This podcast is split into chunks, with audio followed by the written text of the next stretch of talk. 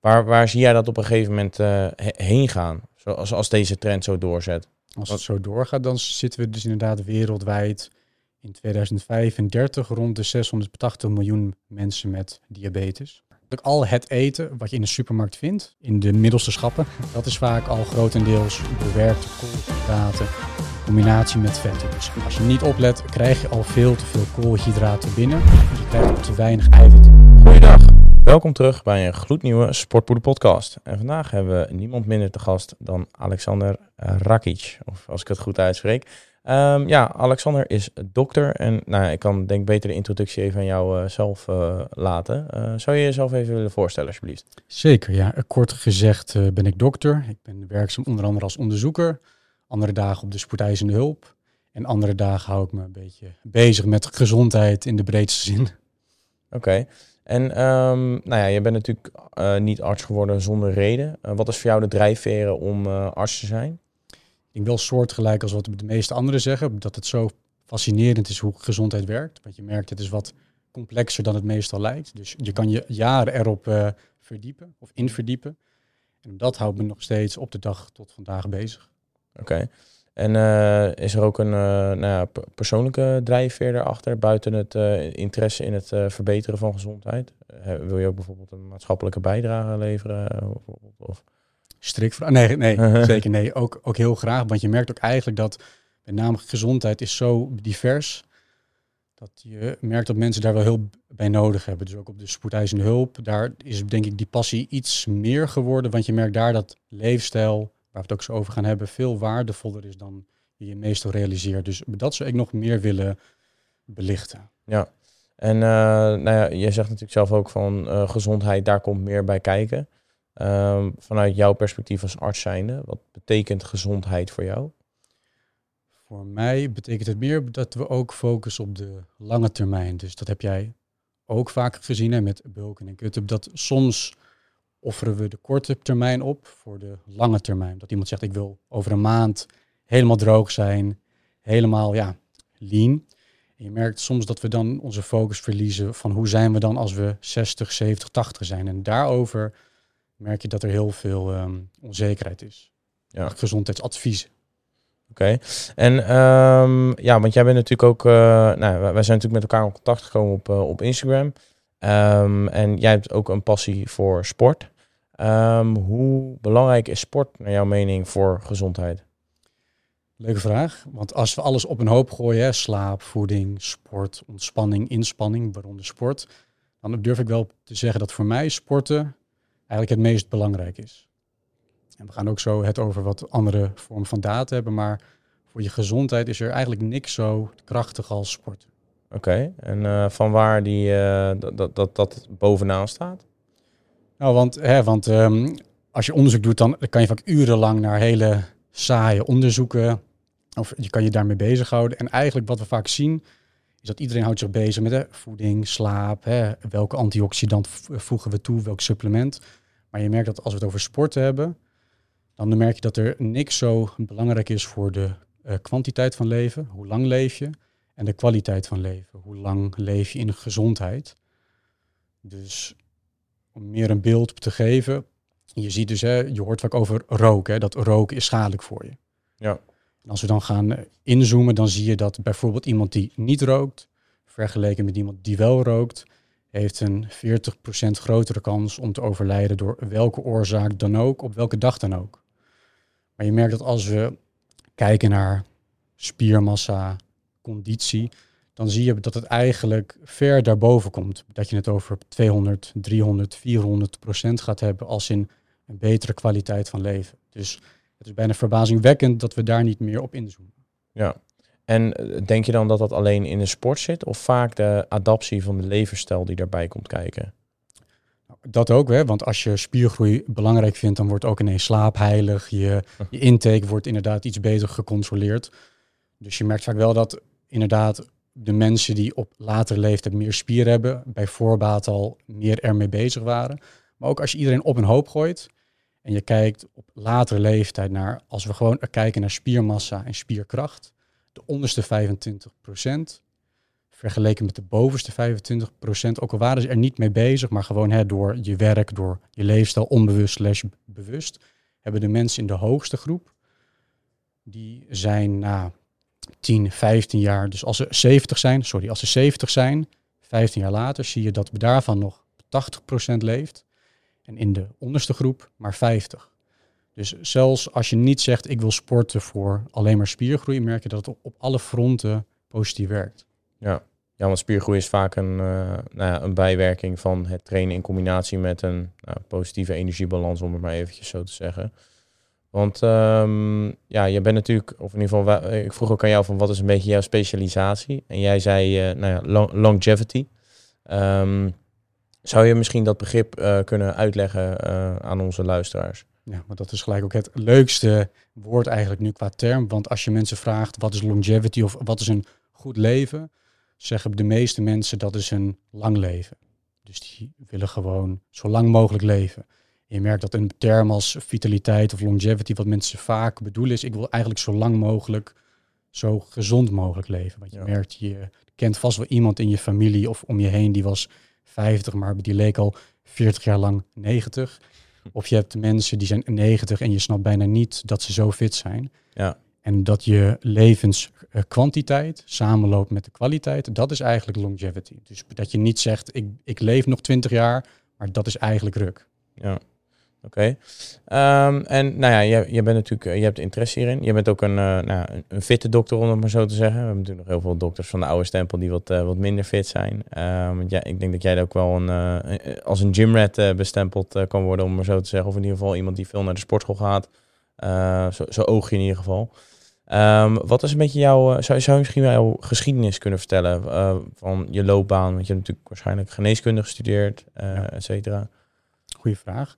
En dan ook in combinatie met de sportieve componenten? Uh, ja, bijvoorbeeld gewoon eigenlijk, uh, ja, hoe... Uh, wie ben ik? Ja, nou, wie ben je inderdaad? Ja, dus op mijn achttiende begon ik aan geneeskunde in Amsterdam, de studie. En dat kon ik dan een aantal maanden ook um, afronden in New York. Dus ik heb dan enigszins in Nederland en in Amerika aan geneeskunde kunnen doen. En daaromheen inderdaad ook veel bezig geweest met onderzoeken. Want het hoeft niet maar als arts of als onderzoeker, kan je ook meeschrijven en bijdrage aan onderzoek, wat ik zelf ook als een passie zou omschrijven. En daaromheen begon ik inderdaad met teamsporten. Uh, maar je merkt dat als je nachtdiensten ingaat, je gaat je kooschap in, ja, dan ga je maar richting de fitness, want het geeft heel veel flexibiliteit over je tijd, over de inhoud. Dus eigenlijk sinds mijn twintigste ben ik echt pas stapsgewijs in de fitness gerold. En toen heb ik, ik denk, alle fouten gemaakt die er waren. Dat ik na 1, 2 jaar van elke dag 20 kilometer hardlopen en soms even een gewicht optilde, dacht van goh, hoezo zijn mijn benen zo dun? Dus ik merkte eigenlijk dat naarmate de opleiding verder ging, dan ben ik dan richting het leefstijl gegaan. Dus ik ben nog steeds een beetje daarmee bezig. Studie afgemaakt en nu werkzaam onder andere op de spoed, onder andere onderzoek. En met name doe ik dan fitness eigenlijk um, om de dag of het liefst elke dag, als het kan. Oké, ehm, want hoe lang heb je in totaal gestudeerd? ja, goeie. Uh, ja, eigenlijk stopt het eigenlijk nooit. Dus je doet oh, dan geneeskunde. Dan ben je na zes jaar ben je arts. En dan wordt de vraag, wat voor arts? Dus inderdaad, een gynaecoloog wordt dan inderdaad richting de gynaecologie. Een orthopeed gaat richting het bewegingsapparaat. Mhm. Van de, de knieën bijvoorbeeld.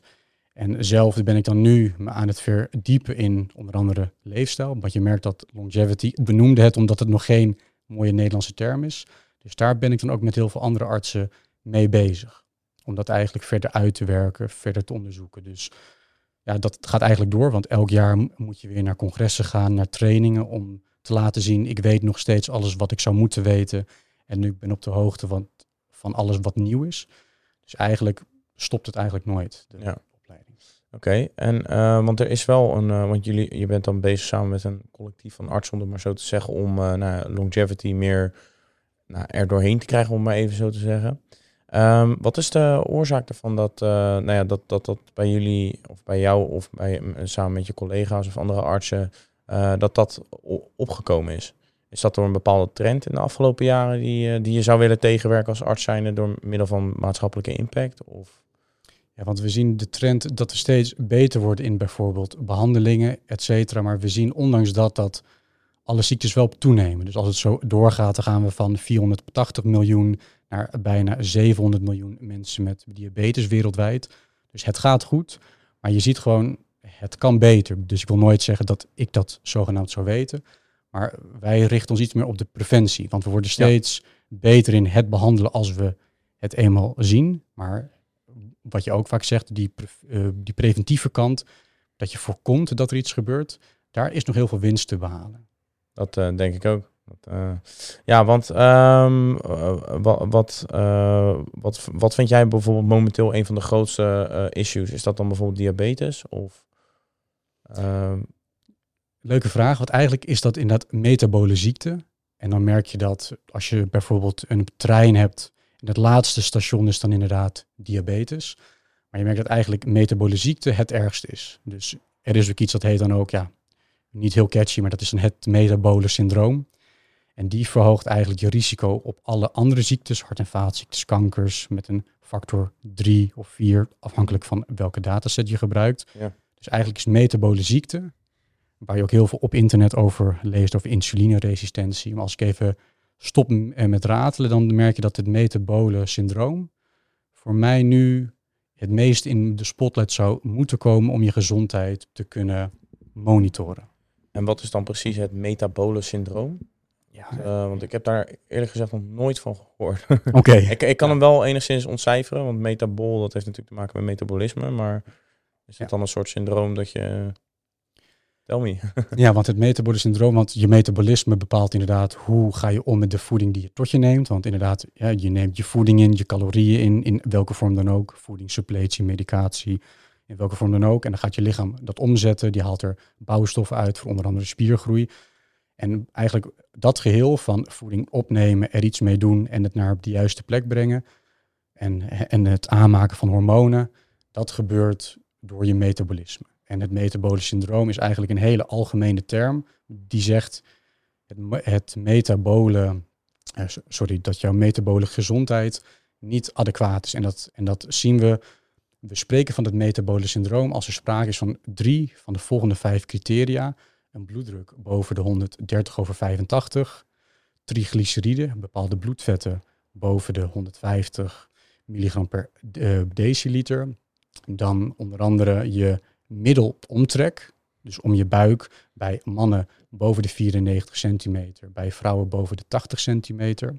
Dus dan wordt voornamelijk gekeken naar vetpercentage rondom de, ja, de vitale organen, om maar zo te zeggen. precies, want daar kunnen we het ook zo over hebben. Dat is eigenlijk heel schadelijk type van vetweefsel. Dan heb je als ook nog dat je HDL, je zogenaamde gezonde cholesterol, wat ook niet helemaal klopt, maar laten we het even zo noemen. Als die onder de 50 is bij vrouwen en onder de 40 bij mannen. En als laatste nog een nuchtere glucose. Dus je hebt niks gegeten en we gaan gewoon kijken wat is nu jouw suiker. Als die boven de 6,1 is of de boven de 110 milligram per deciliter. Als je drie eh, van die vijf hebt, dan spreken we van het metabolisch syndroom. Oké, dus dat is eigenlijk, ja, om dat even heel kort door de bocht zo te zeggen, dan heb je het gewoon echt te bond gemaakt. Dan, eh, dan val je waarschijnlijk in de categorie obesitas of hoger, denk ik. Ja, en het leuke is dat inderdaad overgewicht of um, obesitas rondom je middelomtrek, dat is inderdaad een van de criteria. Dus mensen met overgewicht, um, met het metabole syndroom, twee derde is obese, dus boven de 25 qua BMI. Maar we merken dat een derde heeft geen overgewicht, want nogmaals, dat is één van die vijf criteria. Ja. En mijn punt, en ook heel veel andere artsen of heel veel andere gezondheidsexperts die ermee bezig zijn, vinden dus dat je niet zou moeten wachten tot je drie van die vijf hebt. Want ook een bloeddruk, als jij een bloeddrukverlager slikt, heb je eigenlijk al één, ook al is die goed. Ja. Als je diabetes hebt en je hebt geen glucose, dus daar voldoe je niet aan, maar dan eigenlijk wel. Dus mijn punt is meer, als je al één van de vijf hebt, heb je een hele waardevolle window om in te grijpen. Ja, oké. Um, want dat zijn dan eigenlijk gewoon de vijf criteria wat je vaak voor ziet komen bij nou ja, mensen die dan uh, obese zijn, om dat maar zo te zeggen. Ja, of eigenlijk gewoon mensen die inderdaad ziek worden. Ja. Want als we het omdraaien en je vraagt aan mij hè, van welke vier um, oorzaken sterven we als eerst, dan is eigenlijk de top vier hart- en vaatziekten, één op de drie overlijdt. Dan komt heel snel nummer twee, dat is kanker. Dan komt heel snel nummer drie, cognitieve achteruitgang, zoals Alzheimer. En dan Mhm. als vierde heb je eigenlijk metabole ziekte, dus diabetes. Want daar gebeurt gewoon iets dat je lichaam de hormonen niet goed aanmaakt, vet niet goed kan gebruiken, spier niet goed kan opbouwen, kan vasthouden. Dus metabole ziekte klinkt vaag. Daarom gaat het ook soms een beetje mis of suboptimaal op social media. Ja. Metabole ziekte is eigenlijk de basis waarop al die andere ziektes zich ontwikkelen. Maar de eerste die jij noemde, hart- en vaatziekten, dat is denk ik ook wel een, eh, gevolg van eh, eh, extreem overgewicht. Of een van de oorzaken of gevolgen daarvan. Ja. Want ehm, zie jij ook een hele sterke, sterk verband tussen de toename in de trend van overgewicht, die natuurlijk plaatsvindt de afgelopen jaren, en de achteruitgang van de gemiddelde gezondheid van de ne- gemiddelde Nederlander, om zo te zeggen.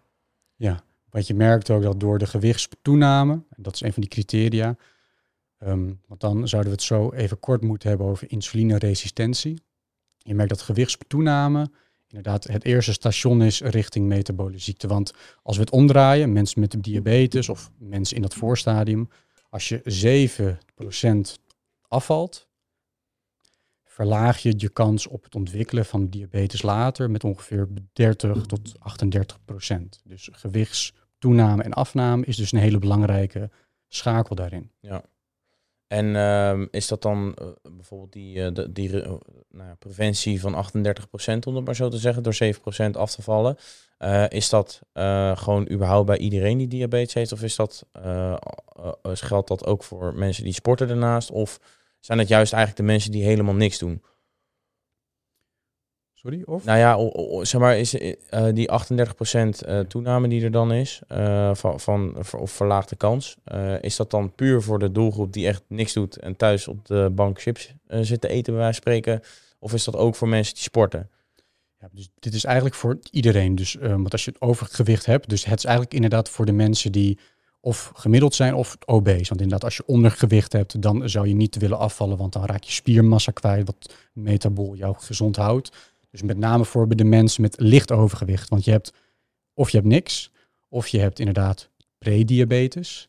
En dan ineens ga je over naar diabetes. En eigenlijk is mijn punt, en ook van heel veel anderen, je kan diabetes 15 jaar van tevoren signaleren. Dus het is niet zo, gisteren niks, morgen heb je het. En die aanloop, daarvoor is gewichtsverlies heel belangrijk. Wat, ehm, eh, laat, ik hem zo, laat ik de vraag zo stellen. Vind jij dat het op dit moment goed gaat met de preventie van overgewicht in Nederland? En dan eh, kan je dat scharen onder nou overheidsinstanties die proberen in te grijpen, maar ook de medische wereld. Vind jij dat er genoeg aan gedaan wordt? Er kan altijd meer, hè, want Ja. dan wordt de volgende vraag, wat stel ik voor? Ehm, ja, dat weet ik eigenlijk niet. Maar je merkt dat omdat het toeneemt, ja, dat is niet mijn mening, maar de data laat zien, het zou beter kunnen. Want preventie, hè, je merkt, er- zijn allerlei vormen.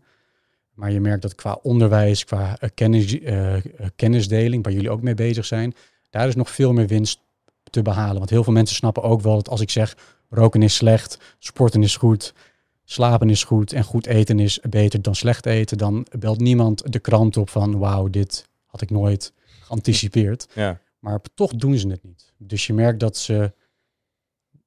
Dus ik merk dat als ik met eh, mensen praat die ik adviezen geef, in welke vorm dan ook, als ik meer uitleg waarom het zo schadelijk is, dat je niet sport, dat je overgewicht krijgt, wat is visceraal vet, dan snappen mensen meer van, oh ja, daarom is het zo schadelijk voor mijn leven. Mogelijk niet morgen, niet overmorgen, maar wel voor of ik 60 word of 80. ja oké. En ehm, als je kijkt naar, eh, of wa- wat, wat denk jij dat de oorzaken zijn van het overgewicht eh, in, eh, nou, ja, in Nederland? Ja. Want dat is in de afgelopen jaren, we gaan meer sporten als het goed is. Of in ieder geval, laat ik het zo zeggen, de fitnesstrend neemt toe. Eh, alleen overgewicht neemt ook toe. Dus dat zou, ja, je zou dan kunnen zeggen van het gemiddelde blijft het, of neemt toe. Dus dat betekent dat als de fitnessers toenemen, dat betekent dat de zwaardere mensen nog zwaarder worden. Zo bedacht ik hem laatst. Ja. Ja. Interessant. maar eh, hoe, wa- waar denk jij dat die oorzaken liggen? Nou, je merkt onder andere dat er steeds meer voedingstrends komen. Dus je hebt ineens hele radicale diëten, hè, van vegan, vleesvrij naar carnivore, alleen vlees eten. Dus je merkt meer dat er heel veel verwarring is. Dat eigenlijk als we gewoon niks zouden zeggen en we zouden zeggen sport iets meer, eet iets minder. En dat is het. Dan zou dat heel misschien beter helpen dan dat je nu op social media 38 diëten hebt. Want dat verwart mensen. Want uh, waar denk jij dat uh, de, de, de, de bron ligt van het overgewicht? Uh, denk je dat dat te maken heeft met nou ja, de, westerse levensstijl of um, slechte voorlichting misschien? of big food, zoals ik hem altijd noem? waar denk jij dat die oorzaak in ligt? Nou, dat speelt eigenlijk allemaal wel een rol en meer, want je merkt dat inderdaad de kennis mogelijk nog niet optimaal is. En je merkt dat inderdaad die bewerkte voedingsstoffen, dus we zijn heel goed geworden in voedsel langer houdbaar maken. Want vroeger was alles schaars en je wou het kunnen vervoeren naar plekken die daar geen toegang tot hadden. En het moest dus en houdbaar zijn, lekker smaken. Dus ja, dan wordt er vaak zout toegevoegd, suikers toegevoegd. Dus bewerkte voeding, dat is zeker in de top 10 een van de oorzaken. Want voeding is nu gewoon te smaakvol. Ja. Dus ik bedoel, je merkt mogelijk ook soms zelf als je iets kunstmatig eet, het, ik had laatst ook een eh, protein bar. Er stond een cheesecake op of zoiets. En het smaakte meer naar een cheesecake dan een echte cheesecake. dus je merkt meer dat voeding zo, ja, zo veel smaak uh, krijgt om het uiteraard verleidelijk te maken qua structuur. Lekker knapperig, lekker krokant. Dus dat speelt een rol. Dus Big Farm of Big Food, ja, zei je. Ja, dat kunnen neefjes zijn van de Big Pharma. maar je merkt dat dat eigenlijk allemaal een rol speelt. Maar ook dat er steeds meer kennis is, waarvan een steeds groter gedeelte niet helemaal klopt. Dat noemde jij net ook. Dus voedsel- of gezondheidsclaims die niet kloppen. En dan heb je inderdaad omdat iemand ineens om een goede of om een slechte reden een heel radicaal dieet gaat volgen. Zoals intermittent fast, daar kunnen we het ook zo over hebben, heeft voor- en nadelen. Je merkt dat het gewoon moeilijk is, en dat laat de data wel zien, om genoeg eiwitten binnen te krijgen in een hele kleine window. Dus je hebt ook dat je zegt, ik eet één maaltijd per dag. Kan soms voordelen hebben, eh, soms nadelen. Maar je ziet ook dat voor sommige mensen ze verliezen spier, ze verliezen nog meer vet. En dat zijn dan soms mensen met, die hebben misschien al ondergewicht. Dus wat ik merk is dat er gewoon veel te veel kennis is waarvan veel te veel of helaas te veel niet klopt. Misinformatie voor verspreid. Ja, dat is de kracht van social media. Als, uh, als iets controversieel is, dan uh, gaat het viral. En dat is tegenwoordig wat iedereen probeert uh, te, te behalen. Um, ja, eh, want we wilden het, nou, intermittent fasting komen we dan zo meteen nog op terug. Um, als we kijken naar nou ja, de, obesitas, om daarop op terug te komen. Jij gaf ook aan over, um, ja, of in ieder geval zou je misschien kunnen vertellen van, van begin tot eind waarom obesitas zo slecht is. Want er zijn heel veel mensen in Nederland die vallen eigenlijk gewoon in de categorie obesitas. Dat is voor mij als je BMI boven de 30 zit, toch? Of? Ja, dus je hebt inderdaad tussen de 19 en 24,9. Dus daarboven heb je inderdaad overgewicht, obesitas, morbide obesitas. Ja. ja, nou ja, ik zit zelf op BMI van 30,1. Maar ja, dat is ook een beetje vertekend beeld, denk ik, omdat ik heel veel spiermassa heb. Uh, dus dat is uh, voor de meeste gymrats niet echt toepasbaar. Als je al 10 kilo spiermassa extra hebt, dan is dat voor mij al redelijk uit verhouding. Uh, maar wat zijn de risico's van het obesitas zijn? Want er wordt vaak heel erg nou ja, uh, genormaliseerd, uh, of het wordt genormaliseerd om dik te zijn uh, of overgewicht te hebben. Ik wil het nooit dik noemen, omdat ik mensen niet wil ontmoedigen daarvan, maar ja. het, het, begint steeds normaler te worden. En als we kijken naar de, de, de trends, de supermarkten liggen steeds meer lekkerdere dingen, zoals je net zelf ook al zei. Um, wat zijn nou echt die concrete um, gevaren aan overgewicht hebben? Want buiten het feit omdat jij misschien mentaal wel lekker in je vel zit, fysiek kan, is het gewoon bewezen dat het niet goed voor je is. Ja. Wat, wat zijn de risico's? De risico's, als het omdraait, wat jij in het begin noemde, was ook belangrijk. Het is vaak een reflectie van je leefstijl. Dus iemand die meer in gewicht toe is genomen, zal vergeleken met iemand anders minder sporten, minder goed slapen, minder goed eten. Maar eigenlijk merk je dat het met name gaat om hun kwaliteit van leven. Dus concreet, je merkt gewoon dat ze eerder overlijden. Dus hun kwantiteit is minder van leven. Je merkt dat hun kwaliteit van leven ook minder is. Hun conditie is minder, dus hun cardiorespiratoire gezondheid is minder. Op latere leeftijd is hun zelfstandigheid minder. Want om een trap op te lopen, als je iets meer gewicht met je meeneemt en daarvan is het vetweefsel en geen spierweefsel, kost alles je meer kracht. Dus Ja. een trap oplopen, jezelf aankleden, je zweet, je hap naar adem. Dus eigenlijk elke ziekte, je kans om het te krijgen is groter. Ja. Elke ziekte. Dus wat is het Eigenlijk voordeel? een deur die verder open staat eh, als jij zwaar overgewicht hebt, waardoor ziektes makkelijker toe kunnen treden in het lichaam. Eigenlijk, eigenlijk is er, als je het omdraait, geen voordeel. Want onderhuidsvet, hè, dus wat je met je vingers kan vastknijpen, dat is eigenlijk onderhuidsvet.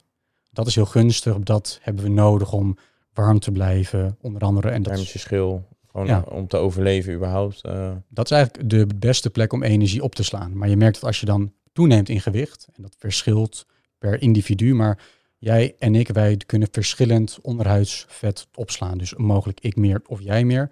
En als het vol zit, en dat gebeurt bij iemand die obese is, dan zit je voorraad vol en dan moet het vet naar een andere plek. Dus dat is het eigenlijk mechanisch. Het gaat via je eh, bloed naar je lever. Er zit meer vet in je lever.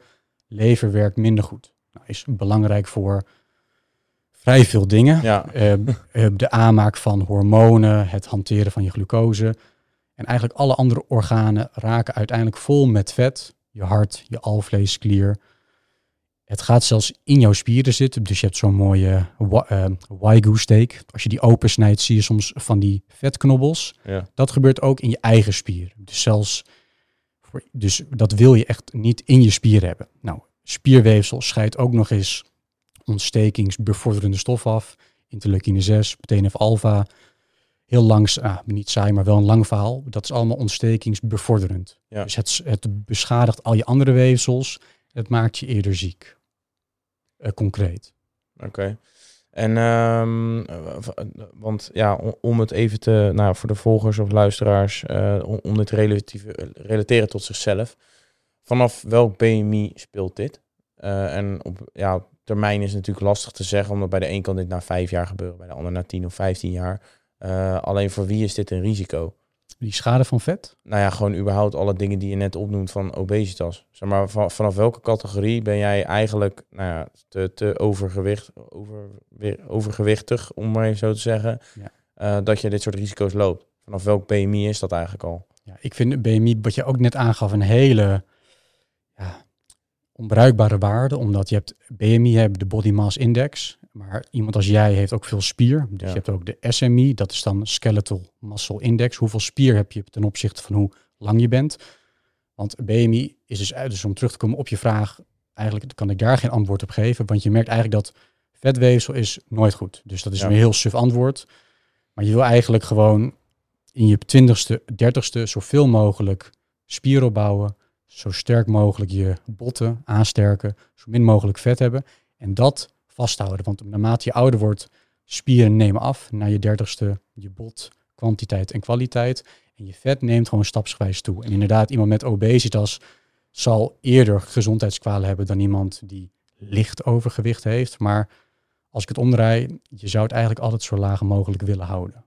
Dus eigenlijk ehm, eh, ben je dus intussen die 20ste en de 30ste jaren, ben je een soort voorraad aan spiermassa aan het opbouwen, zodat je, zodat je zo lang als mogelijk kan profiteren daarvan in het leven, om kwalitatief en kwantitatief te leven. Als een spaarrekening. Ja, soort van wel, eigenlijk. Dan toch?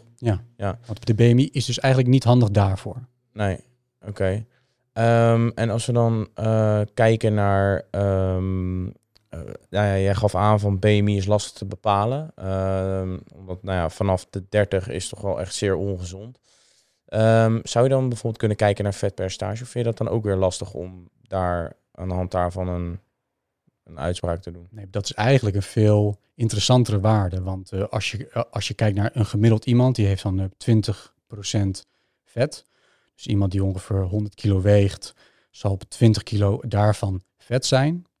Dan weet je alleen er is vet. Maar je wilt dus weten, wat je ook net al schetste, hoeveel daarvan zit rondom onze vitale organen. Ja, En dat is eigenlijk een veel belangrijkere vraag. Want we merken dat bijvoorbeeld mensen met een Aziatische achtergrond kunnen minder vet onder hun huid opslaan.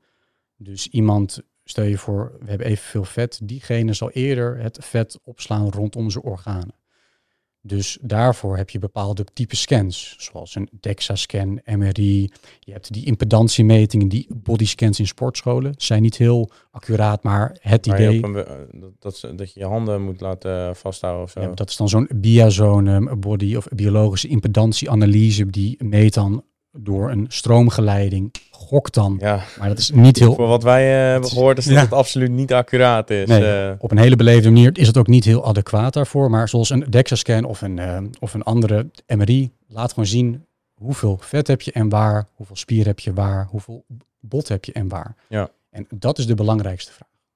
Want hoe meer vet je hebt, visceraal vet, rondom de organen, hoe minder goed alle organen werken. Hart, lever, spier, dat is ook een orgaan. Hoe eerder je alle ziektes krijgt, dus hart- en vaatziekten, beroertes, eerder een longontsteking. Mensen boven de 65 met weinig spiermassa vallen eerder. En een derde van de mensen die hun heup breken, overlijden binnen een jaar. En 50% van de mensen die niet overlijden binnen dat jaar, gaan één mobiliteitsklasse achteruit. Dus iemand die 65 was, wankel, gaat naar een rollator. Een rollator gaat naar een rolstoel, et cetera. Dus vet en spiermassa zijn echt zeg maar de twee interessantste waarden voor je longevity, als we Ja. dat cirkeltje rondmaken. Wat op goeiematen. Er is nu een verhoogde kortingscode op MyProtein. Ga naar de app en check hem even of www.sportpoeder.nl, zodat jij de hoogste korting hebt voor jouw supplementen bij MyProtein. Geniet ervan. Oké.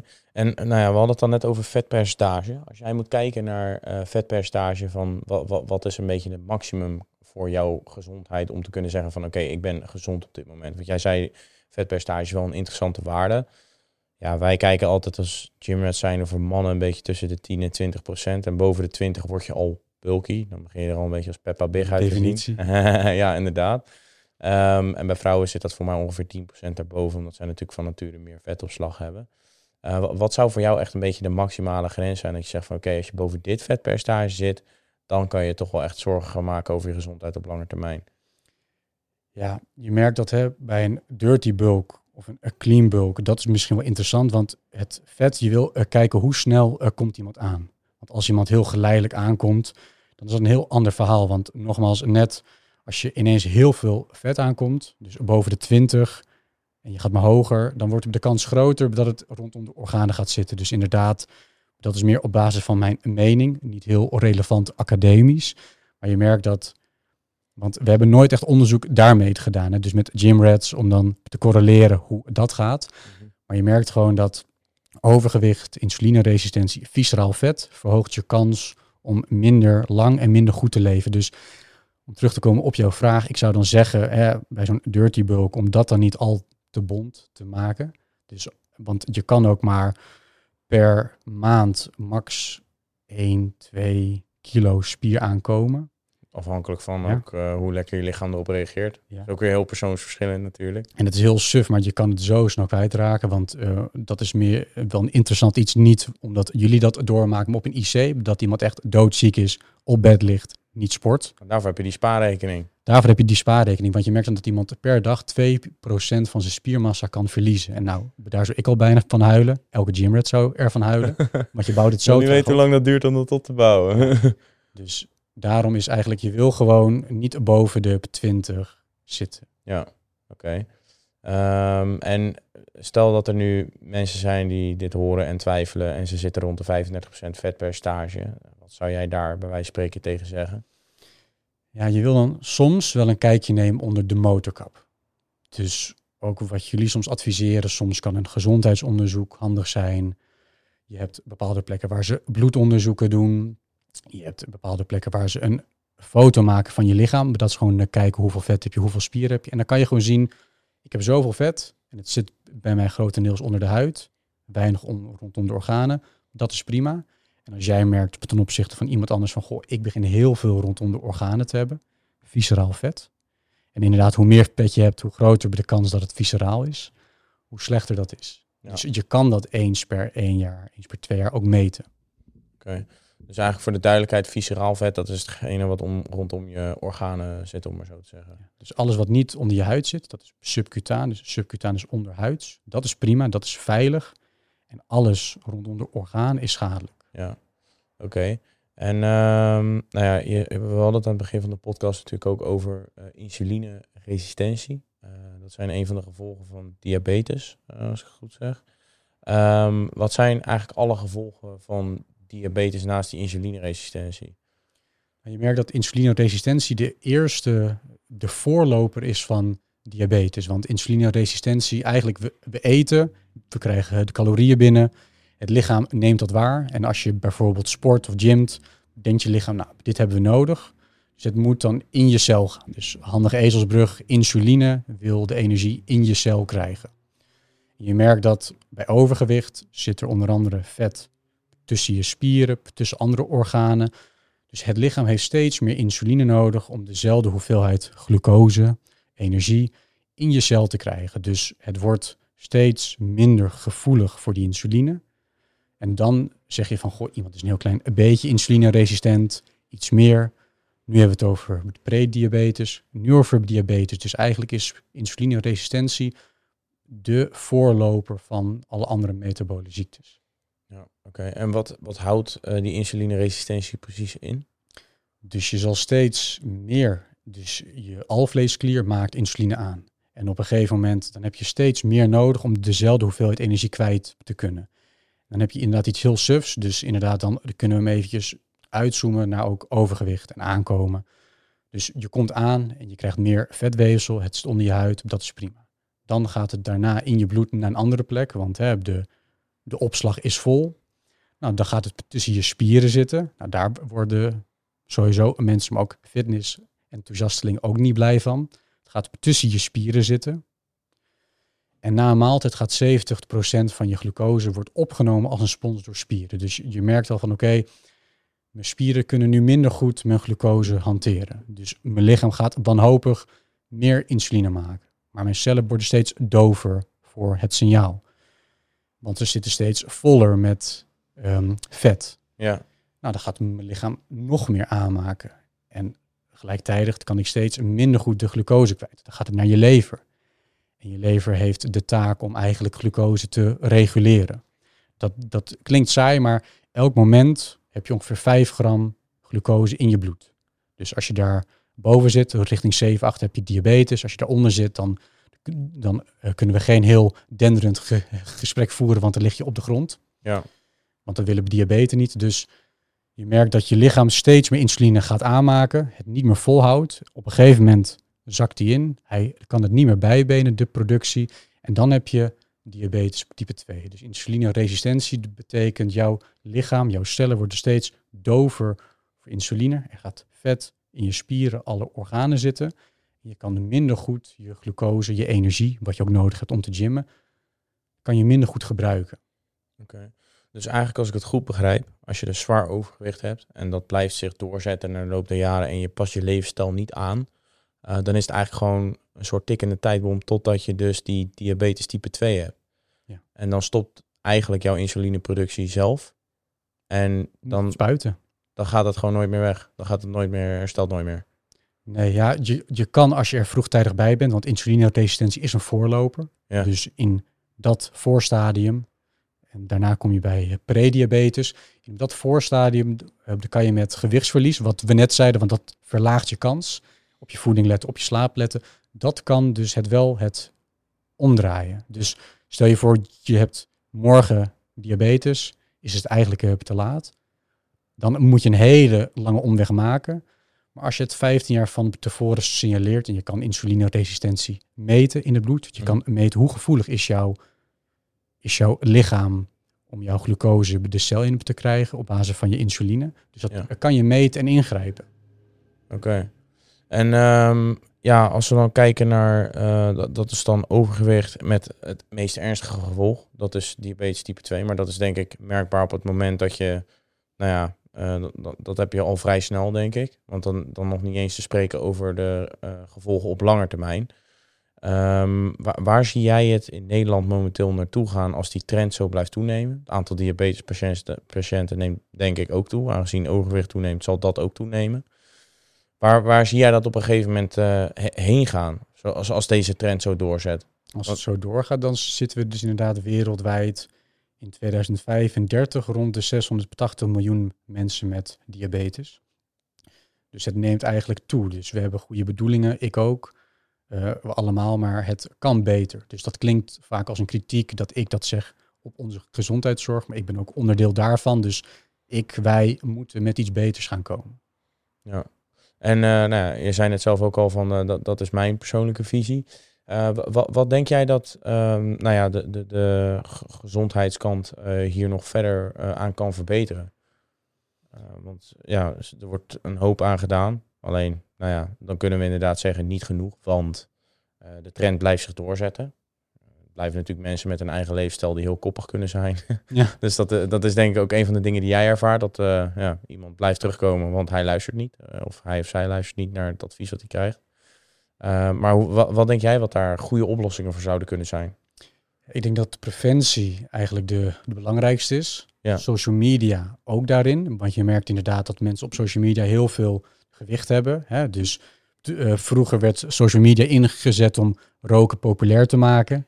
Dus ik denk ervan, nou, dan is er een hoop dat het ook vitaliteit eh, populair kan maken. Mhm. Want de grap is, als je nu op een schoolplein tegen een 15-jarige zegt, joh, ik heb iets voor jou, dat je op een hele mooie manier betachtig wordt, zeg maar, het boeit niemand. Want als je 20 bent, je bent onoverwinnelijk. Je kan slecht eten, weinig slapen, je kan PR's maken. Maar ik denk dat die preventieve kant heeft het meeste waarde. Want iedereen die ziek is, zegt, ik had er alles voor over gehad om nu niet met hulp me aan te moeten kleden. Ook wat je net zei, obesitas, overgewicht. Je merkt dat insulineresistentie, overgewicht, mensen hebben een hoge glucose. Nou, dat, dat maakt meestal niet uit, want als ik het over glucose heb, maak je mensen niet heel blij mee. Maar je merkt ook dat dat je kleine bloedvaten beschadigt. Dus in je ogen, maar zelfs zie je dat mensen libido-problemen kunnen hebben, erectieproblemen, puur door een hoge glucose, hyperglycemie, door onder andere diabetes, wat je ook bij overgewicht ziet. Dus het, is veel, het moet veel concreter worden. Want als ik zeg, ik heb data, je kijkt me aan, maar als we het hebben over je dagelijkse leven, denk ik dat daar preventie de grootste rol heeft. Ja, Oké, en kijk, jij gaf net ook aan uh, social media, uh, dat dat een grote rol speelt. Uh, nou ja, wij proberen natuurlijk uh, zoveel jij, maar ook wij proberen zoveel mogelijk mensen te helpen met, aan een gezondere leefstijl, voornamelijk door informatievoorziening. er zijn natuurlijk ook een paar social media trends de afgelopen jaren die best wel een grote rol hebben gespeeld. Um, en dan voornamelijk eentje die bij mij als eerste altijd opkomt, is bijvoorbeeld body positivity. Um, zou jij daar misschien ja, jouw mening over kunnen geven? Over uh, of, dat, of dat jij misschien denkt dat dat een oorzaak is dat het overgewicht toeneemt of dat het genormaliseerd wordt? Of, um... Je merkt dat ook mensen met overgewicht, en daar komt nu steeds meer onderzoek eigenlijk over uit, of de uitslagen daarvan uit, dat je ziet dat er ook genetisch een heel goed component speelt waar we niet goed grip op hebben. Dus inderdaad, als we tegen die mensen zeggen, eet iets minder, dan merk je dat ze dat vaak heel goed begrijpen, maar ergens lukt het niet. Alleen body positivity, dat we zeggen het is juist heel goed om het te omarmen, of soms zelfs te stimuleren. Dan denk ik van ja, de data laat eigenlijk zien dat er voor je gezondheid nul nut is van te veel gewicht in de vorm van vet met je meedragen. Dus ik vind het ook heel waardevol, hè, want je moet ook een kwaliteit van leven hebben. Dus als je overgewicht hebt en iedereen zegt de hele tijd tegen je, jij bedoelt iets fout. Daar ben ik niet op tegen, maar dat we ze beter zouden moeten kunnen helpen om niet te denken dat het goed is en juist kan toenemen, want daar is nul bewijs voor. Want nogmaals, voor die longevity zouden we eigenlijk de, het niet moeten stimuleren, als ik het zo zacht uitdruk. Ja, ja want ik, uh, nou ja, de, data toont dan aan dat vooral de uh, fysieke gezondheid er niet aan bijdraagt. Die body positivity trend, om het maar zo te zeggen. Mentaal, dat is natuurlijk weer wat anders, maar daar is die trend meer voor nou, ontworpen. Maar denk je dat dat een, uh, een oorzaak is voor uh, het overgewicht in de afgelopen jaren? Maakt het wel minder makkelijk om iemand te overtuigen. Want stel voor, jij weet het is schadelijk en jij weet waarom. Dan ben je mogelijk eerder gemotiveerd dan dat iemand tegen jou zegt, joh, het is prima zo en het is zelfs goed dat je het omarmt. Dus ik vind wel dat je jezelf moet omarmen. Hè. Ik bedoel, je moet elke dag enigszins tevreden zijn met wie je bent, hoe je bent. Maar dat het beter kan, ik denk dat je dat wel tegen iemand moet kunnen zeggen, want gezondheid zoomt uit. En ik kan vaak op een lijn, daar kunnen we uittekenen hoe je gezondheid verloopt. Dus als iemand zegt, ik ben nu heel positief over mijn leven, dat is prachtig. Alleen als je dingen meet en je laat zien van, goh, ik vermoed dat je echt meer dan tien jaar inlevert op hoe goed je je gaat voelen. Maar op elk front, hè, op het gebied van sporten, op ehm, seks hebben, op uh, libido, op hoe je je voelt, op je slaap, op hoe je overkomt, hoe, je, hoe lang je gaat worden, dat, je, dat jouw kinderen jou moeten, zeg maar, je kan, ik kan heel veel uitleggen, maar ik kan bijna niet uitleggen hoe waardevol het is om gezonder je, je leven door te gaan. Ja. En um, ja, stel dat, um, nou ja, stel mensen die hier naar luisteren met uh, die nou ja, in de categorie zwaar overgewicht uh, vallen. Wat voor advies uh, zou jij daarin mee willen geven met betrekking tot nou ja, aanpassing van de leefstijl om het te verbeteren? Bijvoorbeeld door middel van kleine stapjes. Of... Ik denk wel dat dan langzaam de snelste manier is om er te komen. Want je merkt dat als eenmaal het kwartje valt van goh, het is heel schadelijk voor me. En soms valt dat kwartje omdat je het hoort, leest of omdat je het voelt. Ja. Vroeg of laat, iemand die ziek is zegt, had ik dit maar eerder. Ik bedoel, dat gun je niemand, maar je gunt eigenlijk wel één iemand dat hij zich heel kort zou voelen hoe je over 40 jaar voelt. Want dat, dat, uh, dat perspectief heb je niet. Maar mijn advies zou zijn, langzaam is de snelste manier om erop te komen. Want je merkt dan dat mensen gaan crash dieet of zoiets. Want je wil gewoon, dat heeft iedereen, je wil zo snel mogelijk je doel bereiken. Dus mijn advies zou zijn, laat gewicht los. Want jij gaf het net ook al heel scherp aan. Dat zegt niks over mijn spier. Want als jij zegt, ik ben van Alexander, ik heb het heel goed gedaan. Ik ben in een maand 20 kilo kwijt. Ik voel me slecht, maar het was goed. En we gaan inzoomen en we zien, goh, je bent, hè, je bent wat vet kwijt. Want je kan per week, als je het heel bond maakt, een halve kilo, 1 kilo vet afvallen. Dus dat is gunstig.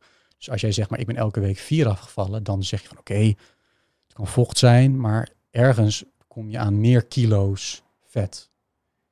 Dus de eindstand, iemand is uiteindelijk minder, uh, die is veel meer spierkwijt dan vet, dus je metabolisme gaat omlaag. Dat is eigenlijk het yo-yo effect. Iedereen zegt vaak dat is iets magisch wat afhangt van de, de, de, maan of zo. Maar het hangt gewoon af van als je minder spier hebt, kan je minder energie verbruiken. Dus als er een hummer naast jou op een stoplicht wacht, die verbrandt veel meer dan mijn kleine Opel.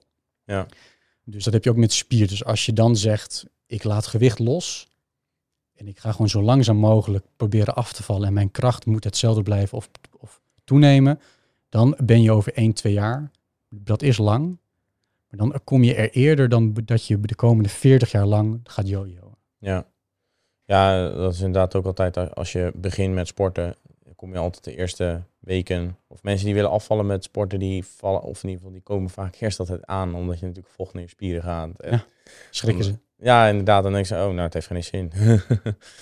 um, ja, eh, want het yo-yo-effect, um, zie je dat heel veel terugkomen in de praktijk? Nou, je ziet wel dat ja, dus eigenlijk zie je bij iedereen, want je merkt vaak van hoezo, want we weten minder eten, meer sporten, we weten het. Maar als we dan gaan kijken naar alle diëten naast elkaar, wat is het beste dieet? Nou, en we, ja, wat hebben we? We hebben keto, paleo, carnivore, vegan, semi-vegan, flexitariërs. Nou, dat echt, zeg maar, jij weet het ook goed. Dan zien we dat het dieet waar jij je aan kan houden, is het beste dieet. Dus blijkbaar maakt de macro, micronutriëntverdeling. Ik bedoel, we snappen dat alleen maar Snickers is niet optimaal. Maar je merkt waar jij aan kan houden om een calorietekort te hanteren, is het beste. Dus je merkt dat het yo-yo-effect vaak komt omdat iemand iets doet wat ze niet kunnen volhouden. Dus als iemand zegt, jeetje, ik hou van koolhydraat. Je kan me s'nachts wakker bellen voor pasta. En ik zeg, weet je wat, ga de komende 60 jaar lang niet één gram koolhydraat eten, dan zeg jij van oké, ik val af, want je verliest iets meer vocht en je houdt het wel vol. Maar dat is geen kwaliteit. Dus vaak gaat het fout op de kwaliteit van leven tijdens je dieet. Ja. Dat is het yo-yo-effect praktisch. Dat iemand zegt, ik weet het wel, maar ik hou het niet vol. Oké. Ehm, ja, nou ja, we, we, hebben het natuurlijk uitgebreid gehad over uh, overgewicht op de lange termijn. Uh, maar het begint natuurlijk ergens. Uh, bij de jeugd neemt het natuurlijk ook steeds meer toe. Wij zien ook heel veel mooie succesverhalen van nou ja, jongeren die een vetpercentage van 40 of 45 procent hebben en die zijn gegaan naar 15 ja. of 20. Uh, dat soort transformaties worden ook steeds populairder, zien we ook steeds vaker langskomen. Maar ja, die groep wordt ook steeds groter die zo zwaar overgewicht heeft. Um, vind jij dat de jeugd uh, goed wordt uh, ingelicht over overgewicht en nou eigenlijk op, op, scholen bijvoorbeeld, wat betreft voorlichting? Nou, niet genoeg. Daarom hebben social media kanalen, zoals jullie kanaal, zoveel waarde. Want je neemt dat toch als kind van um, rolmodellen over. Dus je ziet iemand en je denkt, dat wil ik ook. Hè. Dat hadden we uh, vroeger mogelijk met superhelden.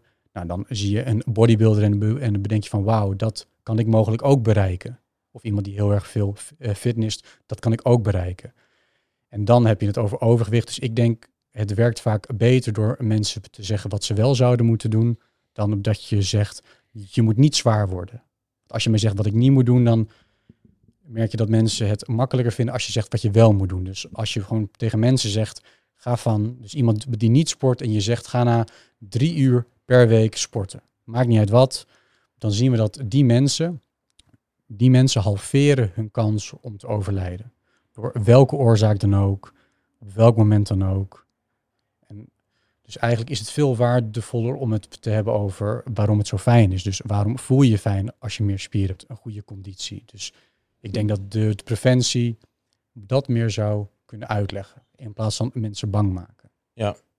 En um, ja, want dan verplaats ik het even naar mezelf. Uh, ik heb vroeger echt nog nooit uh, voorlichting gehad over voeding en diëtetiek. Want ik denk dat dat toch wel nou ja, eigenlijk de, de oorzaak van, van overgewicht naast afname van activiteit bij de gemiddelde mens, dat dat toch wel echt overconsumptie is.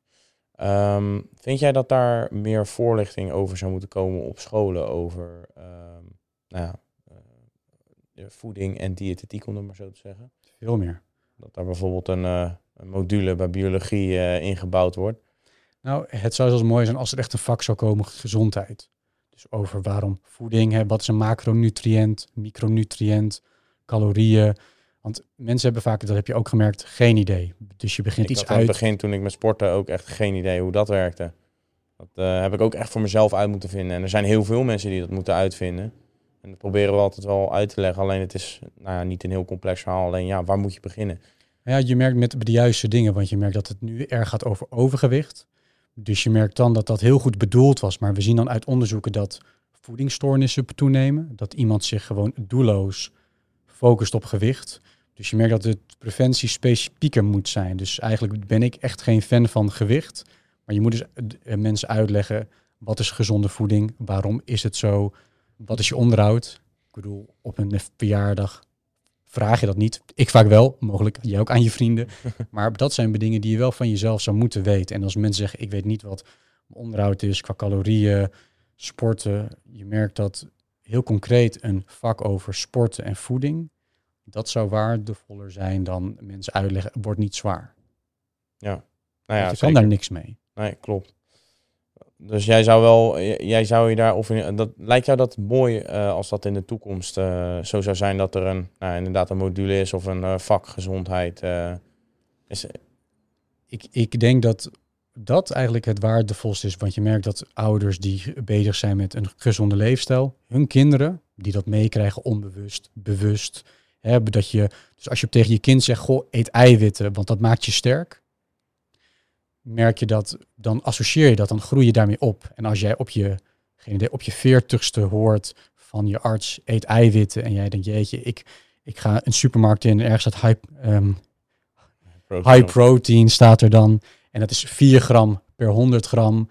Dan is dat geen echte high protein. Mag vanaf uh, eh, 6% volgens mij. Dus vanaf 6 gram op 100, dan mogen ze die claim erop zetten. Maar het is mooi, want ik heb ook laat zag ik ook dat een kind gewoon wist, oh ja, 12 gram eiwit per 100 gram eh, cottage cheese.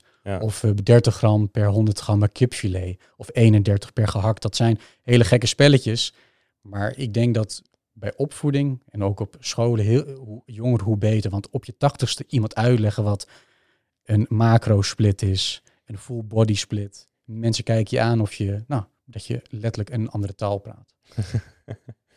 ja, het is wel, uh, het, is, ja, kijk, wij zijn er nu redelijk in thuis, denk ik. Alleen, uh, het, is wel, ik vind het bijzonder dat ik er nog nooit uh, van heb gehoord. En kijk, ik zal niet zeggen dat ik me altijd voorbeeldig gedragen heb op school.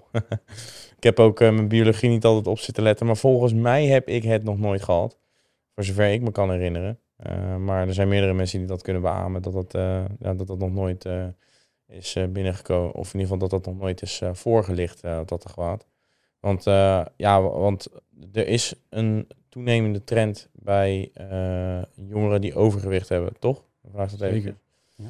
Voor zekerheid. Um, is er een duidelijke vinger op te leggen waardoor dat bij, bij de jeugd komt? Want ik zei net al, overconsumptie, afname qua activiteit. Uh, zijn er nog andere oorzaken die daarbij... ja, het is echt... Je kan echt pagina's hierover, want je merkt doordat voedingsmarketingstrategieën worden steeds slimmer. Ja. Dus je merkt ook dat hè, dan associëren ze, wat is het, uh, een bepaalde Argentijnse voetballer met een bepaald chipsmerk. Ja, dan associeer je uh, toch een van je helden daarmee. Dus je merkt dat uh, voedingsstrategieën qua marketing steeds slimmer worden. Ze worden steeds slimmer in een structuur maken, want dat weet je ook. Food, hè? Ja, dat is wel zo. Want ook zo'n eiwitreep. En een paar jaar geleden, ik het smaakte soms zo suboptimaal ah, dat je dacht, eet ik het nou met de verpakking? En nu smaakt het, het zo smaakt echt naar karton en nu is het inderdaad gewoon echt een, echt een snack. En ook makkelijk, want mensen worden bedrukker, um, ze werken, dus je kan vaak eten bestellen. En als je hongerig bent en je gaat in een supermarkt, dan kom je soms met de gekste dingen thuis. Dus het wordt te makkelijk gemaakt. Ja. Dus het wordt niet, je hoort vaak, je moet ongezond eten, stimuleren, maar je merkt vaak ook dat het gewoon ook financieel een grote rol speelt als je een zak chips kan kopen. Voor sommige mensen, dus ik heb de luxe dat ik iets meer kan um, veroorloven, maar sommigen die gaan dan toch naar fastfoodketens, big food, omdat het gewoon makkelijk is om suboptimaal te eten. Ja. En denk jij dat, uh, dat de big food hun uh, marketingstrategieën, om maar zo te zeggen, dat die uh, nou ja, een oorzaak zijn en eigenlijk schuld hebben aan overgewicht wat er momenteel speelt?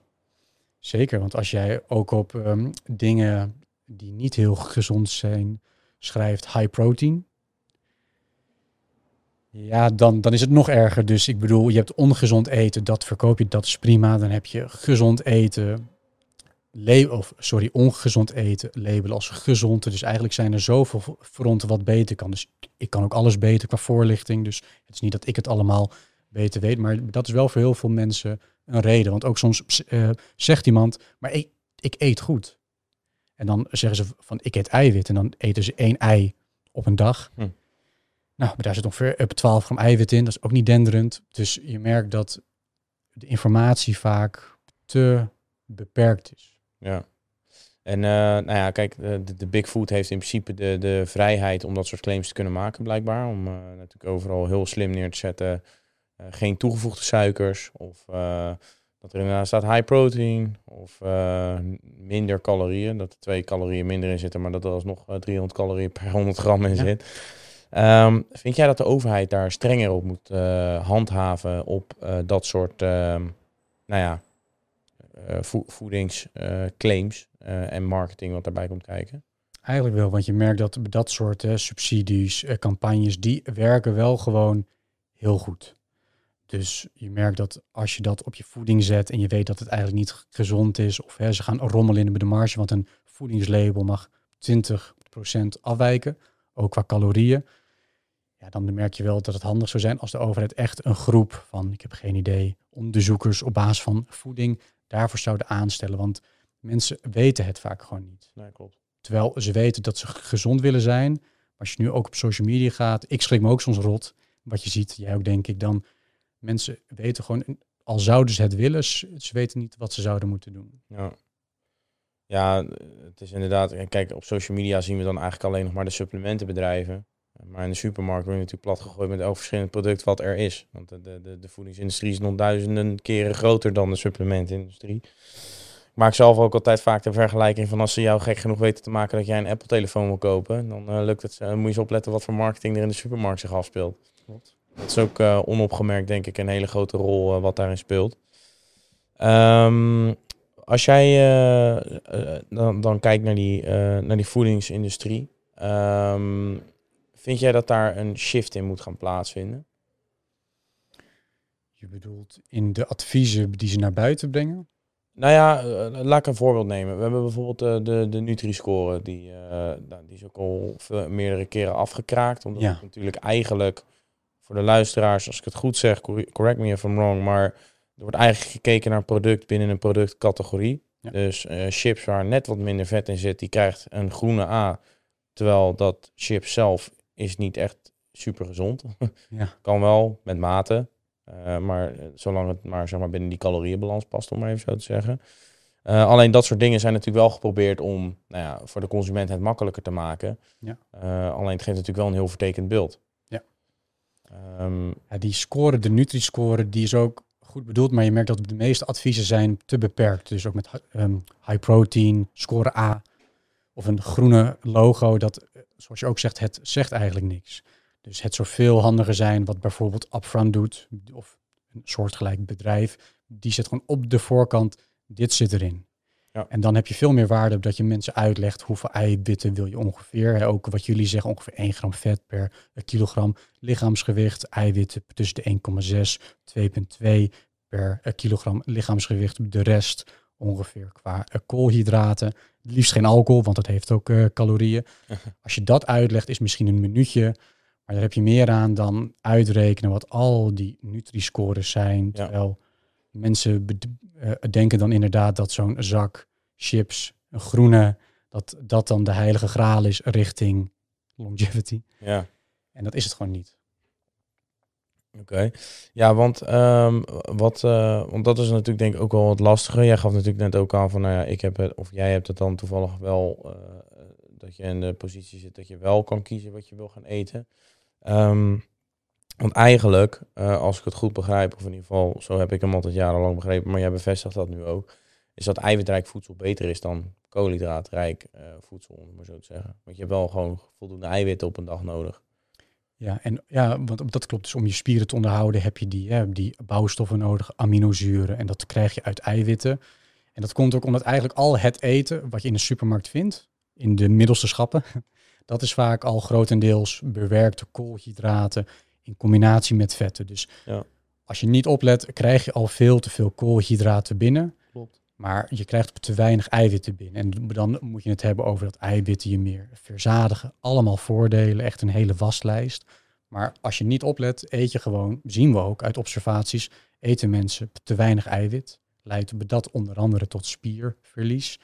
En dan Waardoor het uit verhouding gaat staan, Ja. hoger vetpercentage en dan nou ja, zijn de gevolgen van dien, om het maar zo te zeggen. Het is ook minimale. Dus als je het hebt over 1,6 gram eiwit per kilogram lichaamsgewicht, heb je het over eigenlijk wat je minimaal nodig hebt om die spieren vast te houden. Ja. En als we, nou ja, want, dat is denk ik vaak wel een struggle. Eh, kijk, alle groeimaten uit de community zijn altijd flink op jacht naar de goedkoopste bron van eiwitten. Eh, want eiwitten zijn in verhouding nou eenmaal duurder eh, dan, nou ja, shitfood, om maar even zo te zeggen. Altijd op jacht naar kwark of dingen in de aanbieding, et cetera. Vind jij dat, ehm, nou ja, eigenlijk gezonde voeding? Dus dan hebben we het eigenlijk wel over fruit en groenten, et cetera. Wat natuurlijk eigenlijk in verhouding vrij duur is ten opzichte van junkfood. Ja. Dat bijvoorbeeld eiwitten ook eh, goedkoper zouden moeten worden. eh, dan nou ja, de gemiddelde carb source, om het maar even zo te zeggen. Ja, want als we nu uitzoomen en je vraagt mij welke, hè, welke bron zou nu het meeste mensen, eh, de meeste mensen helpen, is dat gewoon eiwitten. Dus inderdaad, daar kom je dan uit bij inderdaad vis, vlees, maar ook zuivelproducten, ook groenten zoals linzen. Het heeft allemaal eiwitten. Maar inderdaad zou je daar mensen echt wonderbaarlijk mee helpen in hun gezondheid door ze makkelijker toegang te geven tot eiwitrijk eten. Ja. En eh, nou ja, dan hebben we het natuurlijk over best wel of, ja, veel eiwitten. Of nou, veel eiwitten. eh 1 tot 2 gram per kilo lichaamsgewicht is redelijk normaal. Eh, er zijn voor mij zelfs onderzoeken gebleken dat boven 4 gram niet eens schadelijk is. Wordt altijd heel snel geroepen door eh, ouders van onze gemiddelde doelgroep. Van, ja, te veel eiwitten zijn slecht voor je. Slecht voor je nieren of weet ik veel wat allemaal. Ja. Ehm, is dat zo? Eigenlijk niet. Nee, want je merkt dat je altijd hè, die eiwitten, stel je voor je gebruikt ze niet, dan zou je ze uitplassen. Dus het is niet schadelijk voor je nieren. Maar als je eenmaal nierschade hebt, Ja. en je nieren moeten onder andere die ja, die bouwstoffen verplaatsen, hanteren. Dan wil je niet in, ineens acht scoops eiwit geven. Maar je merkt gewoon dat als je gewoon gezonde nieren hebt, een goede nierfunctie, kan je gewoon per maaltijd hè, tussen de 30, 50 gram eiwitten nemen. Je kan ook wel meer doen, maar dan gebeurt er niet meer qua spier-eiwitsynthese. Ja. Dus je kan als je een gezonde nierfunctie hebt, veel meer eten. Dus je kan zelfs inderdaad rond de vier zitten. Ehm, dus dat kan dan gewoon op een hele veilige manier. Ja, ja en uh, jij gaf aan het begin van de podcast, uh, hadden we het ook over, uh, omdat je het net over per maaltijd had. Aan het begin van de podcast had je het over intermittent fasting, met voor- en nadelen daarvan. Um, ja, het is, het is best wel een heel erg populair onderwerp de laatste tijd. Wat ik vooral heel erg terugzie in de community is dat mensen het echt gebruiken als middel om het doel te behalen. Doel is calorieëntekort. En dat doen ze door middel van intermittent fasting, door middel van eigenlijk de mealtiming te verkleinen. Ja. Uh, er komen altijd heel veel nou ja, fabels bij kijken van, oh ja, nee, dit is goed voor de voor de, nou, bij wijze van spreken voor het groeihormoon, dat heb ik wel eens een paar keer gehoord. Darmflora herstel, nou, daar kan ik me daar nog wel wat in vinden, omdat je natuurlijk je maag niet constant wil laten lopen. Maar dokter, wat zijn nou precies de voor- en nadelen van intermittent fasting? Ja, eigenlijk komt het heel plat gezegd neer op dat het een manier is om een calorietekort te creëren. Want je hebt uh, eigenlijk drie vormen van calorietekort te maken. Nou, het eerste is een calorietekort, dat je gewoon zegt, ik ga er 10 of 20 procent onder zitten. Nou, okay, dat is makkelijk. Dan heb je nog een diëtaire restrictie. Dus je hebt een calorierestrictie, een diëtaire restrictie of een tijdrestrictie. Dus je zegt of ik eet minder, of ik kies iets wat ik veel eet en ik eet dat minder. Dus als je zegt ik eet elke dag acht Snickers en we zeggen laten we gaan naar vijf, dan heb jij een diëtaire restrictie gedaan. Mm -hmm. Of je zegt, weet je wat, ik eet gewoon in acht uur. En voor sommigen leidt dat ertoe dat ze gewoon minder tijd hebben om te eten. Maar je merkt ook dat sommige mensen aankomen, want sommigen worden heel erg hongerig. Ja, en die eten in die acht uur. Ja, en die eten in die acht uur meer. Dus de voordelen zijn, voor sommigen creëert het een calorietekort. De nadelen zijn dat als je dat heel lang doet en je gaat echt binnen de acht uur zitten, dan ja, wordt spiersynthese of spiereiwitsynthese iets minder. Dus je spiergroei wordt wel degelijk iets geremd. Dus je kan dus het is onhandig als je zegt, ik ga nu bulken en ik ga nu in een window van vier uur eten. Ja, dus ja want, sorry als ik onderbreek, alleen jij zegt inderdaad spiergroei, dat wordt uh, enigszins beperkt doordat je nou ja, die, die tijd uh, verkrampt in plaats van uitsmeert. Ja. Maar met droogtrainen bijvoorbeeld, uh, als je dan even kijkt naar onze gemiddelde doelgroep, die wil spierbehoud. Maar het heeft, heeft intermittent fasting ook een negatief effect op spierbehoud? Of zolang je boven die 1,6 gram zat, zoals dat je net zei, heeft dat dan weinig invloed? Ja, dus er zijn onderzoeken dat als je inderdaad acht weken of twaalf weken lang een, een hele strenge intermittent fasting window hanteert, maar je doet veel aan krachttraining, je gaat echt hoog in je eiwitten zitten, dus tussen de 1,6, 2,2, maar laten we nu zeggen 2 gram eiwit, dus gewoon je lichaamsgewicht keer 2, je gaat inderdaad gewoon lompzwaar gymmen, dan hou je waarschijnlijk je, je spierweefsel goed vast. Dus als je merkt van, goh, ik verlies kracht, dan weet je, ik ben te agressief bezig. Dus je kan het wel doen, maar er is nooit een heel lang onderzoek gedaan, een jaar lang. Maar je merkt wel dat als we echt langer gaan zitten, wordt spiergroei niet echt meer mogelijk en wordt spierbehoud lastig. Dus je moet dan inderdaad hoog in je eiwit zitten en gewoon als een malle blijven gewichten of um, weerstandstrainen. Dus ook, Ja. ook met lichaamsgewichten of gewicht. Maar Ja. dat wil je dan wel eh, blijven doen. Oké. Ehm, maar jij zei ook van, eh, als je dan merkt dat je eh, minder krachtig wordt, zou dat dan ook niet kunnen komen juist doordat je in een calorieëntekort komt? Omdat je dan wat meer depleted bent, dat je glycogeenvoorraad leger wordt? Of? Ongeveer, ja, nou ja, je merkt zelfs hè, dat als jij, want in jouw lever, in jouw spieren sla je glucose in de vorm van glycogeen op, ook wat jij zei. Nou, daar heb je meestal voor 1600 calorieën aan glucose opgeslagen zitten. Mhm. Dus als je merkt dat, je- dat je kracht echt afneemt, dan komt het waarschijnlijk omdat je calorietekort te groot wordt en je ook een heel klein beetje spierweefsel gaat verliezen. Dus wat we net zeiden, je kan als je het echt een bond maakt en je hebt heel veel overgewicht, 1 kilo per week verliezen. Maar hè, ehm, de mensen die wat droger zijn, wil je echt tussen de 0,2 kilo en een halve kilo per week zitten als je het heel bond maakt. Mhm. Dus als je meer afvalt en je corrigeert voor vocht, maar je gaat echt meer, dan verlies je waarschijnlijk wel het type spierweefsel dat je wil houden. Dus Ja. als je kracht echt veel afneemt, dan is dat waarschijnlijk geen goed teken. Oké. Ehm, maar verder eh, he- heeft eh, intermittent fasting, eh, als we dan eigenlijk gaan kijken, want je, je gaf net aan, er zijn niet echt hele benoemenswaardige voor- en nadelen. Het is meer middel om het doel te bereiken. Ehm, zijn er dan micro voor- en nadelen? Ja, je hebt wat vaak op internet staat autofagie. Dat je eigen cellen zich zouden opruimen. Hè, van auto zelf, fagie eten. Ja, Dat je dan hè, je lichaam de ruimte geeft om het op te ruimen. Maar eigenlijk zien we dat niet in menselijke proeven terug. Want je merkt dat het vaak gebaseerd is op ehm, dierproeven. Zoals muizen, ratten. En dan zie je dat ehm, de tijd is anders. Dus als we zeggen acht uur vasten voor een rat, muis, geeft autofagie. Staat dat echt gelijk aan een aantal dagen voor mensen. ja, Dus de grap is dat het in mensen, in, als je zegt ik vast acht uur, is er nul bewijs dat dat autofagie geeft of dat je lichaam ruimte krijgt om zichzelf op te ruimen. Dus eigenlijk zijn er, het, kan voor sommige mensen eh, praktisch zijn, minder last van je buik. Soms als je gelijk bakken wordt, je gaat gelijk eten, maar het is meer een manier om je calorieën te, te managen. En zijn er dan, nou ja, naast die potentieel eh, spiergroei wat geremd wordt en spierverlies wat geminimaliseerd of in ieder geval enigszins gereduceerd wordt eh, met intermittent fasting, of in ieder geval het is er niet echt, tenzij dat je het voor langere periode doet. Zijn er nog andere nadelen die benoemd kunnen worden van eh, intermittent fasting? Nou, onder andere een van de hormonen belangrijk voor spierbehoud, spiergroei is testosteron. Ja, En je merkt dat als we van anabol naar katabol gaan, dus anabol is het opbouwend. Dus iedereen is van ze ja, geboren wordt tot zijn dertigste heel anabol, groeit al- als een malle.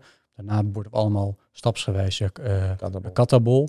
En je merkt dat eigenlijk, merk je dat als we heel erg gaan droog trainen, stijgt je, je cortisol. Want, want de mensen die heel veel overgewicht hebben, hebben dat niet. Die kunnen vaak vet verliezen en spier kweken. Want het lichaam voelt geen stress. Die hebben zoveel energie over, die Ja, verhongeren niet. Maar iemand die heel droog is, dus dat is, eh, sorry dat ik je in de reden val hoor, want ik, ik, ik zeg dit vaker, alleen ik heb daar nog nooit echt een onderzoek van gezien. Alleen het is dus wel zo dat als jij in een hele hoge eh, vetreserve hebt, dus energiereserve, ja, dat je dus eigenlijk tegelijkertijd vetmassa kan kwijtraken Ja. eh, en spiermassa kan aankomen. ja, dat is dan weer die body recompositie. Dat Ja. er twee hoofdgroepen zijn die dat echt heel goed kunnen.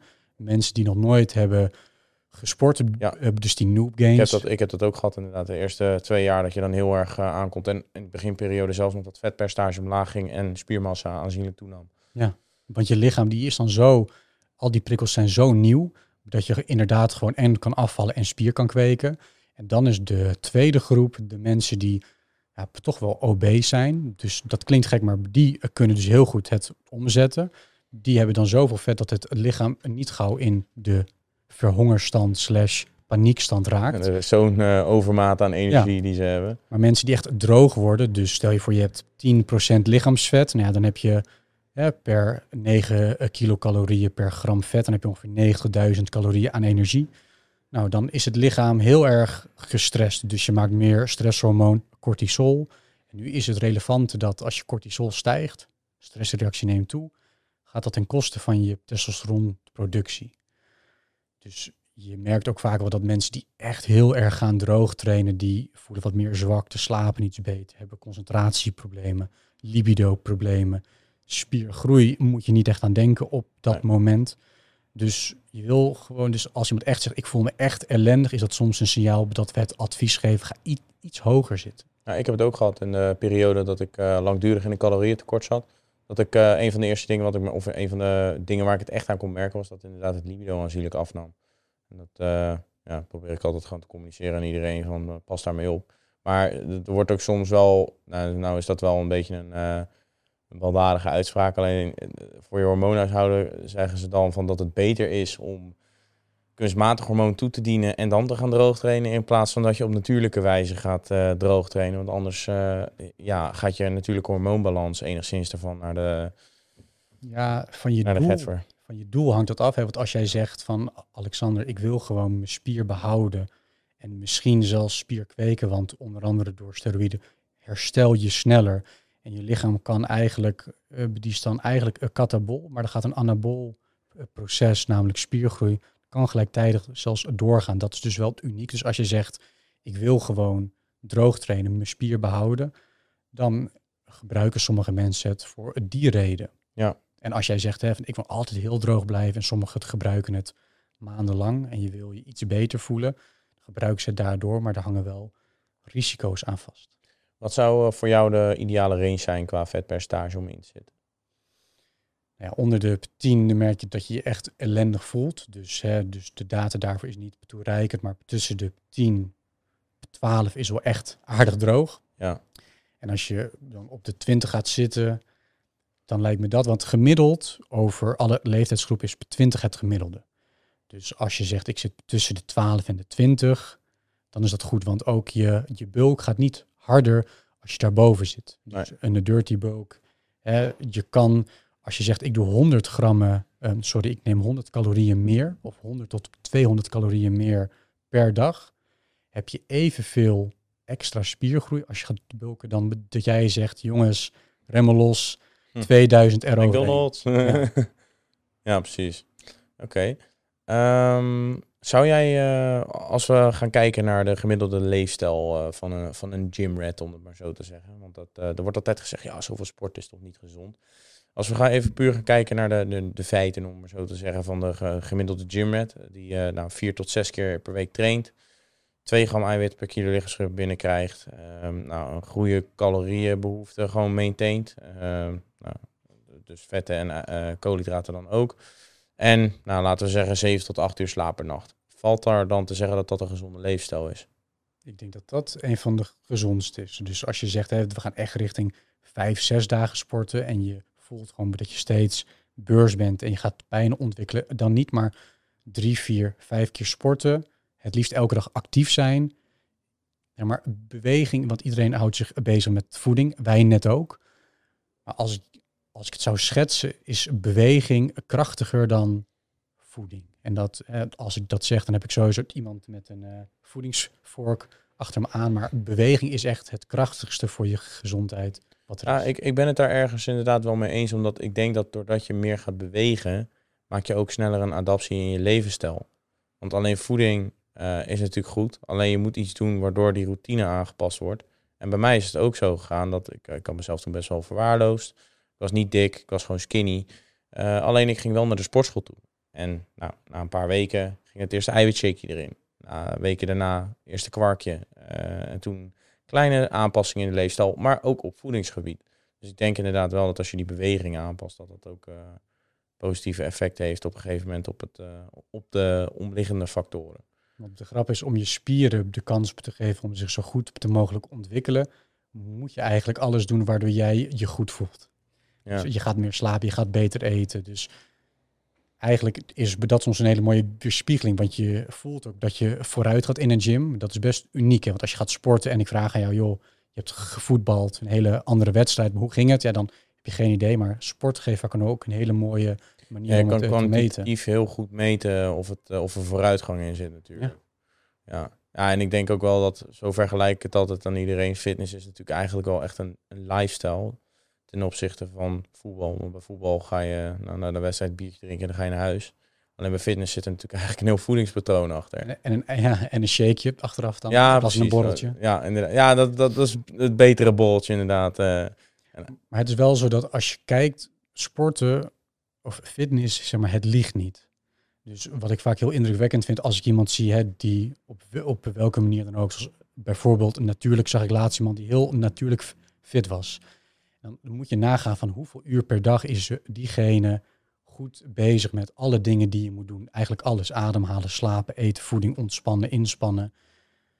Dus je kan je bijna niet voorstellen dat het een weerspiegeling is. Want je kan niet zeggen, ik ben en lui en ik heb nergens zin in. Ik zeg niet dat anderen dat zijn. Maar als ik iemand zie die bijvoorbeeld hè, een fitness uiterlijk heeft, dan denk ik vaak ook van, goh, ik zie dat je veel om jezelf geeft. En dat klinkt dan gek, maar dat zie je weerspiegeld in iemands VO2 max. Als we iemand door een scan gooien, zien we dat hij ook spiermassa heeft op alle plekken waar je het wil. Vet op de plekken waar het in dat hoort te zitten, geen vet op de andere plekken. Dus ja, je merkt ook dat het eigenlijk op alle fronten het beste middel is, sporten. Ja, Sorry dat ik deze podcast even onderbreek, maar het is namelijk voor de Sportpoeder app. Hier staan de hoogste kortingen in voor jouw favoriete supplementenaanbieders. Denk aan MyProtein, XO Nutrition, etc. En betaal je nooit meer te veel voor jouw supplementen. Dus download Sportpoeder app nu in de Google App Store en in de Play Store. En luister lekker verder. Ja, ik uh, denk dat dat een, uh, een, mooie wijze les is om hem uh, mee, mee, af te sluiten. Zijn er nog bepaalde tips die jij eventueel hebt voor de volgers, de mensen die het horen of luisteren, om een verbetering of een adaptie in hun levensstijl te doen? Ik denk wat het beste zou werken is als je rekening houdt met de tijd. Hè, want nogmaals, de mensen die focussen op een snel resultaat, zie je ook die yo-yo het meest. Dus als je iemand kiest die enigszins weet waar die het over heeft en jij zegt ik ga één, twee jaar lang jou al mijn aandacht geven. In plaats van elke zes weken een ander dieet, een andere trend. Want helaas zijn er geen trends. Meer sporten, goed slapen, goed eten. Het is allemaal super suf. Als je dat één jaar lang doet, dan ben je sneller op de plek waar je wilt zijn. Ja, oké. Nou, top. Um, dankjewel Alexander voor jouw uh, aanwezigheid, uh, dat je ook hier naartoe kon komen. Uh, dank aan Profit, Nieuw Venep, dat we daar gebruik mochten maken van van de heerlijke studio. Het is lekker weer buiten, dus het is een beetje de warme kant. Nee ja, dank voor jouw aanwezigheid. Um, ja, voor de mensen, volg hem eventjes op Instagram, dokter, ik, ik ben even... ja, dokter Alexander Rakic. Dokter Alexander Rakic. En uh, ja, ik uh, hoop voor jullie dat je er nooit tegen hoeft te komen bij de spoedeisende hulp. dank jullie wel dat ik hier ook uh, kon zijn. Ja, absoluut. En ja, dank voor jouw wijsheid. En het lijkt me leuk om zeker nog eens een keer in de toekomst nog wat op te nemen. En als wij jou ergens mee kunnen helpen met nou, meer bewustzijn, dan horen wij dat ook graag. Dus thanks voor het luisteren. Laat even een, een, review achter op Spotify en een duimpje op YouTube. En vergeet niet op die abonneerknop te klikken. En ja, voor korting op al jouw supplementen. Check de Sportpoeder app. En tot de volgende keer weer. Ciao.